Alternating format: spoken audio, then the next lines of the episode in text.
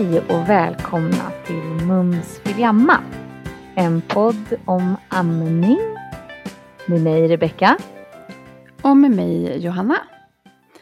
Och idag har vi vårt första kortavsnitt. Vilket innebär att eh, det kommer vara ett kortare avsnitt. Faktabaserat avsnitt. Ämnet den här gången kommer att vara amningsnapp. Precis, vår plan är att vi ska ha några stycken sådana här avsnitt som är lite kortare, bara som Johanna sa baserat på fakta och som kan vara liksom lätt att hitta och går rätt snabbt att lyssna på om man vill ja, bara höra om ett speciellt ämne helt enkelt. Precis. Och vi har ju flera av våra gäster i den här podden som har pratat om sina erfarenheter av amningsnapp. Och nu ska vi försöka vara rätt breda i vårt synsätt på amningsnapp och hålla oss till fakta så mycket som vi kan. Precis. Så vad tycker vi om amningsnapp då, Johanna? Vi är som yrkespersoner. Ja, precis. Vi vet ju att amningsnappen kan hjälpa så mycket, men också att den eh, också utmanar amningen kan utmana amningen, ska jag säga. Först och främst kanske vi ska berätta vad en amningsnapp är för de som inte vet, vilket jag tror att ni som lyssnar på det här avsnittet vet. Men det är ju som en liten ett plast, en plastdel som är lite nappformad eller bröstvårteformad. Som man kan sätta på bröstvårtan. Och det kan man ha som ett hjälpmedel ifall man har vissa typer av amningsproblem. Precis, det allra vanligaste anledningen till att man känner att man behöver använda en amningsnapp det kan ju vara smärtor under amning. Det kan vara påbörjan på sår eller redan etablerade sår och en del börjar använda det ganska tidigt för att de upplever att barnet inte får ett bra tag utan nappen. Mm. Och det finns ju olika aspekter i, i det hela liksom, beroende på när man börjar använda amningsnappen. Precis, jag tänker en annan vanlig anledning som jag upplever det är att man kanske upplever att man inte har så spetsiga bröstvårtor, liksom har en känsla av att eh, det kanske är svårt att amma på mina bröstvårtor och kanske till och med inåtvända eller väldigt plana eller så. Man upplever att barnet har eh, svårt att få tag av den anledningen. Precis. Vi har erfarenheten av att hjälpa de kvinnor som ammar ganska tidigt under amningsresan, alltså de första dygnen på BB eller återbesöksmottagning som oftast är några dagar efter man är utskriven. Och där handlar det ju ofta om taget, eh, att barnet inte får ett ordentligt tag eller kanske inte får tag alls om just bröstet utan amningsnappen. Det vi vet rent vetenskapligt baserat på studier och det vi också ser, det är att när man börjar med amningsnapp väldigt tidigt, då ökar risken för att mjölkproduktionen sviktar tidigt. Att man liksom inte får igång en ordentlig mjölkproduktion. Och det leder ofta till att det kanske dröjer för barnet att, att gå upp i vikt. Och för vissa barn så, så kan ju det, ja, det, kan ju, det kan ju strula till det helt enkelt. Och därför är vi ju restriktiva. Och jag vet att de flesta jobbar så i, i vår region i alla fall. Med att man delar ut amningsnappen innan barnet är ett dygn gammalt. Utan man försöker med andra saker för att få barnet och hjälper barnet att få till det.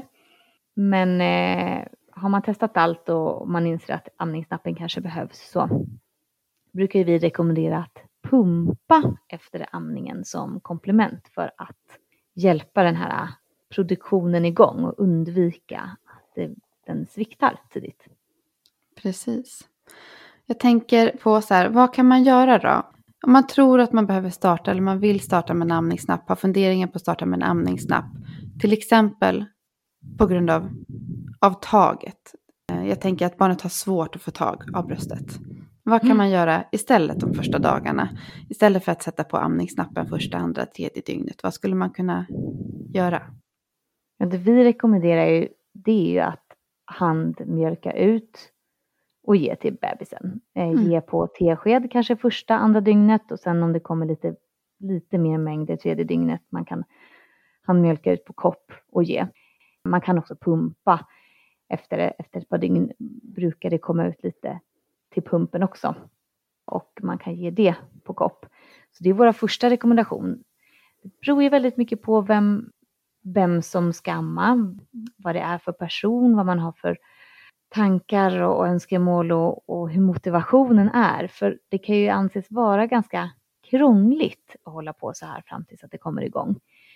Men eh, vi vet ju att det har sina fördelar att avvakta med amningsnappen om man kan. Mm. Jag tänker på andra saker. Så här, fortsätta som vi har pratat så mycket om. Men fortsätta vara hud mot hud mycket. Fortsätta att låta barnet vara vid bröstet, rota vid bröstet, söka bröstet. Man kan ju också försöka liksom stimulera bröstvårtan. Alltså, vad ska man säga? Tvinna bröstvårtan lite mellan fingrarna man kan, som du brukar säga, liksom blåsa lite på bröstvårtan så att den kan liksom bli lite styvare. Man kan, jag hörde jag nyligen om också, liksom att, så smart tips, lägga en kall eh, tygbit till exempel på bröstvårtan innan amning för att den ska dra ihop sig lite grann och bli lite mm. styvare. Till exempel, men precis som du säger också, så här, fokusera på stimulering av brösten på annat sätt än just genom amning och fortsätta barnet ligga och träna, öva, mm. utan att det är någon mm. stress mm. eller påtvingat. Precis, jag tror att det är det som blockerar hos de flesta, både de som ska amma och även personal. Det är den här stressen eh, när bebisen inte kommer igång, att man, man blir liksom, man blir stressad. Partners också kanske, eventuella medföräldrar. Det vet vi också blockerar eh, det här med utdrivning, stress. Så det, det blir som en ond spiral, eller en ond cirkel kanske man ska säga. Mm. Men det är ju också ett ehm. jättebra tips att liksom så här, chilla med det. Det viktigaste är inte att barnet ammar de första dagarna. Det viktigaste är att man får igång en mjölkproduktion och får i barnet den mjölken. Att man fortsätter att vara hud mot hud, nära och erbjuda bröstet och liksom amningsträna. Mm. Om man sen eh, ändå eh, behöver en amningsnapp av olika anledningar. Jag tänker på de gäster vi har haft innan som har använt amningsnapp. Det har ju varit de som har fått just problem med smärtsam amning eh, och sår. Mm. Så vi har testat amningsnapp lite senare in vad ska man säga, i hela amningsperioden. Kanske efter en vecka eller ett par. Vad kan man tänka på då? Alltså jag tänker, det finns ju så otroligt mycket fördelar med amningsnappen också. Det finns ju jättemycket studier som visar på att kvinnor som har funderat på att sluta amma på grund av att det strular, att de faktiskt har fortsatt för att de har fått hjälp av amningsnappen. Så den gör ju väldigt mycket bra också. Om ja. man vet hur man ska använda den. Jätteviktigt att utvärdera den här smärtan och om det är sår. Varför kommer det sår? Är det på grund av taget? Är det på grund av någonting annat? Någon abnormalitet i munnen hos barnet eller liknande. Utesluta och utvärdera. Varför, varför får jag ont? Varför får jag sår om det är sår som, som det gäller? Det kan man göra vid ett amningsstatus, att man ber någon vårdperson göra det. Man kan göra ett eget amningsstatus också, men jätteviktigt tycker jag att be någon professionell om ett amningsstatus. Precis, superviktigt. Mm. Våra gäster har ju verkligen haft goda upplevelser av amningsnappen. Vi vet ju annars att amningsnappen kan vara svår att bli av med ibland. Våra gäster har inte vittnat om det, men det är något som jag vet att jag har pratat med andra personer om, att det kan vara svårt att bli av med amningsnappen. Och att det kan upplevas bökigt att fortsätta amning, använda amningsnappen samtidigt som vissa andra tycker att det går jättebra. Men det är ju lite, lite projekt, den ska appliceras på bröstvårtan, den ska appliceras med rätt storlek. Man ha koll på eh, att man inte får en för liten amningsnapp, för det kan ju orsaka problem. Man ska sätta på den rätt så att det blir lite vakuum så att den sitter på bröstvårtan. Den ska rengöras efter varje användning, kokas dagligen. Precis, hygienen är otroligt viktig och det vet vi också kan vara en, kan vara en inkörsport till bakterier om man redan har sår. Och så um, behöver man använda nappen, att man är extra, extra noga verkligen. Så att man inte får in bakterier i det här såret på grund av nappen då. Precis som du säger Johanna så ska man ju rengöra den efter varje gång då med tvål och vatten. Och sen koka den minst en gång per dygn.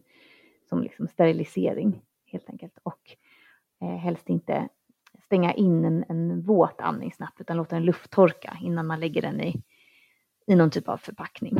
Mm, just det. Jättebra. Jag tänker på en Mm. annan sak som kan vara så smärtsam. Det är ju liksom när mjölken håller på att rinna till.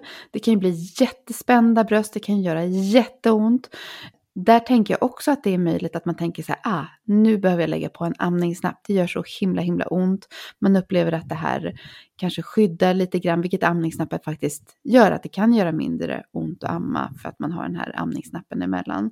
Eh, Men det finns ju andra saker i de lägena man kan göra också. Till exempel mjölka ur lite grann ur brösten när de är så här himla spända. Det finns eh, det här speciella eh, greppet som kallas för Cottemans grepp där man formar fingrarna som en kopp och eh, trycker runt om bröstvårtan in mot kroppen. I samband med det brukar det också läcka en del bröstmjölk eh, när mjölken håller på att rinna till. Så här är ju inte helt ovanligt. Men det kan ju hjälpa jättemycket. Mm, jag tror att det är bra att eh, hålla koll på, beroende på vad man använder för amningsnapp, eh, vilket märke alltså, att man verkligen ser till att man har rätt information. Eh, hur den ska appliceras på, hur stor amningsnappen ska vara. Eh, jag vet att det finns eh, vissa märken som har tydlig information kring, man kan till och med mäta upp liksom baserat på, på diametern på bröstvårtan, hur stor amningsnappen ska vara. För precis som Johanna nämnde så har ju man ju sett, eller vi har sett och man vet att det är just för små amningsnappar ställer till otroligt mycket problem. Så där vi jobbar, där har vi bara en storlek bara för att safea upp. Vi har en lite större variant och den, den orsakar i alla fall aldrig några problem. Nej. Men för att sammanfatta då. Positiva saker med en amningsnapp. Vad kan man få hjälp med? Jo, man kan ju faktiskt få minskad smärta ifall man har smärtproblematik. Det kan bli lättare för barnet att få ett tag om bröstvårtan. Mm. Till exempel för barn som har av någon anledning en eh, omogen eh, sugförmåga eller liknande. Mm. Det kan förlänga amningsperioden. Det kan göra att man inte lägger ner amningen utan faktiskt fortsätter att amma och får en bättre upplevelse. Mm. Är det någonting annat som du Precis. tänker på i det? Ja, kan faktiskt avlasta om man har börjat få sår. Mm.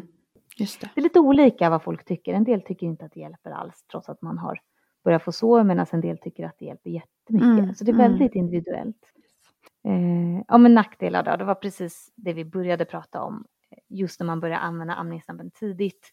Sviktande mjölkproduktion. Det tar lång tid att liksom komma igång med den här önskade mjölkproduktionen som när barnet försöker lägga in beställning men det tar tid.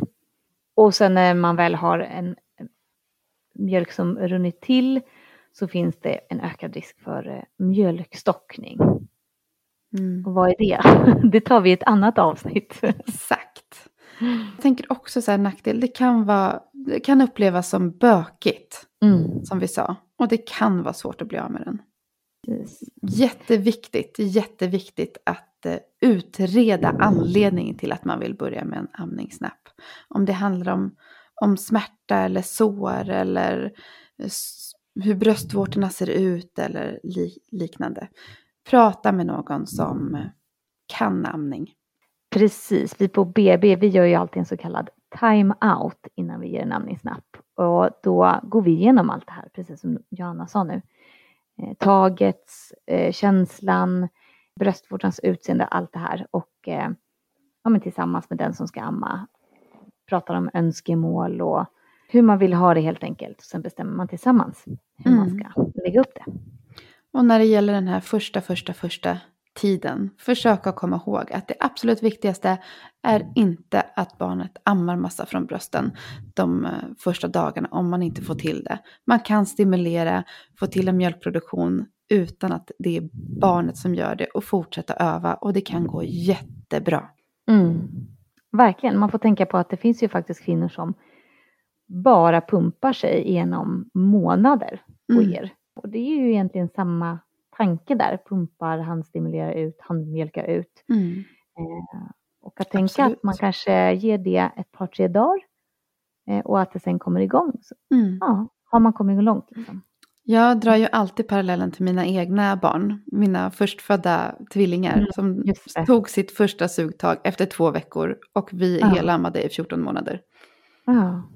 Det gör inte alltid någonting. Jag tänker att det är sällan det gör någonting. Jag tror att man stressar upp sig allt för mycket eh, Mm. på de här dag ett och dag två. Det går Visst jättebra. det så. Mm. Men tack Ja. för oss för det här avsnittet. Så kommer vi tillbaka med flera kortavsnitt. Yes. Ha det så bra tills dess.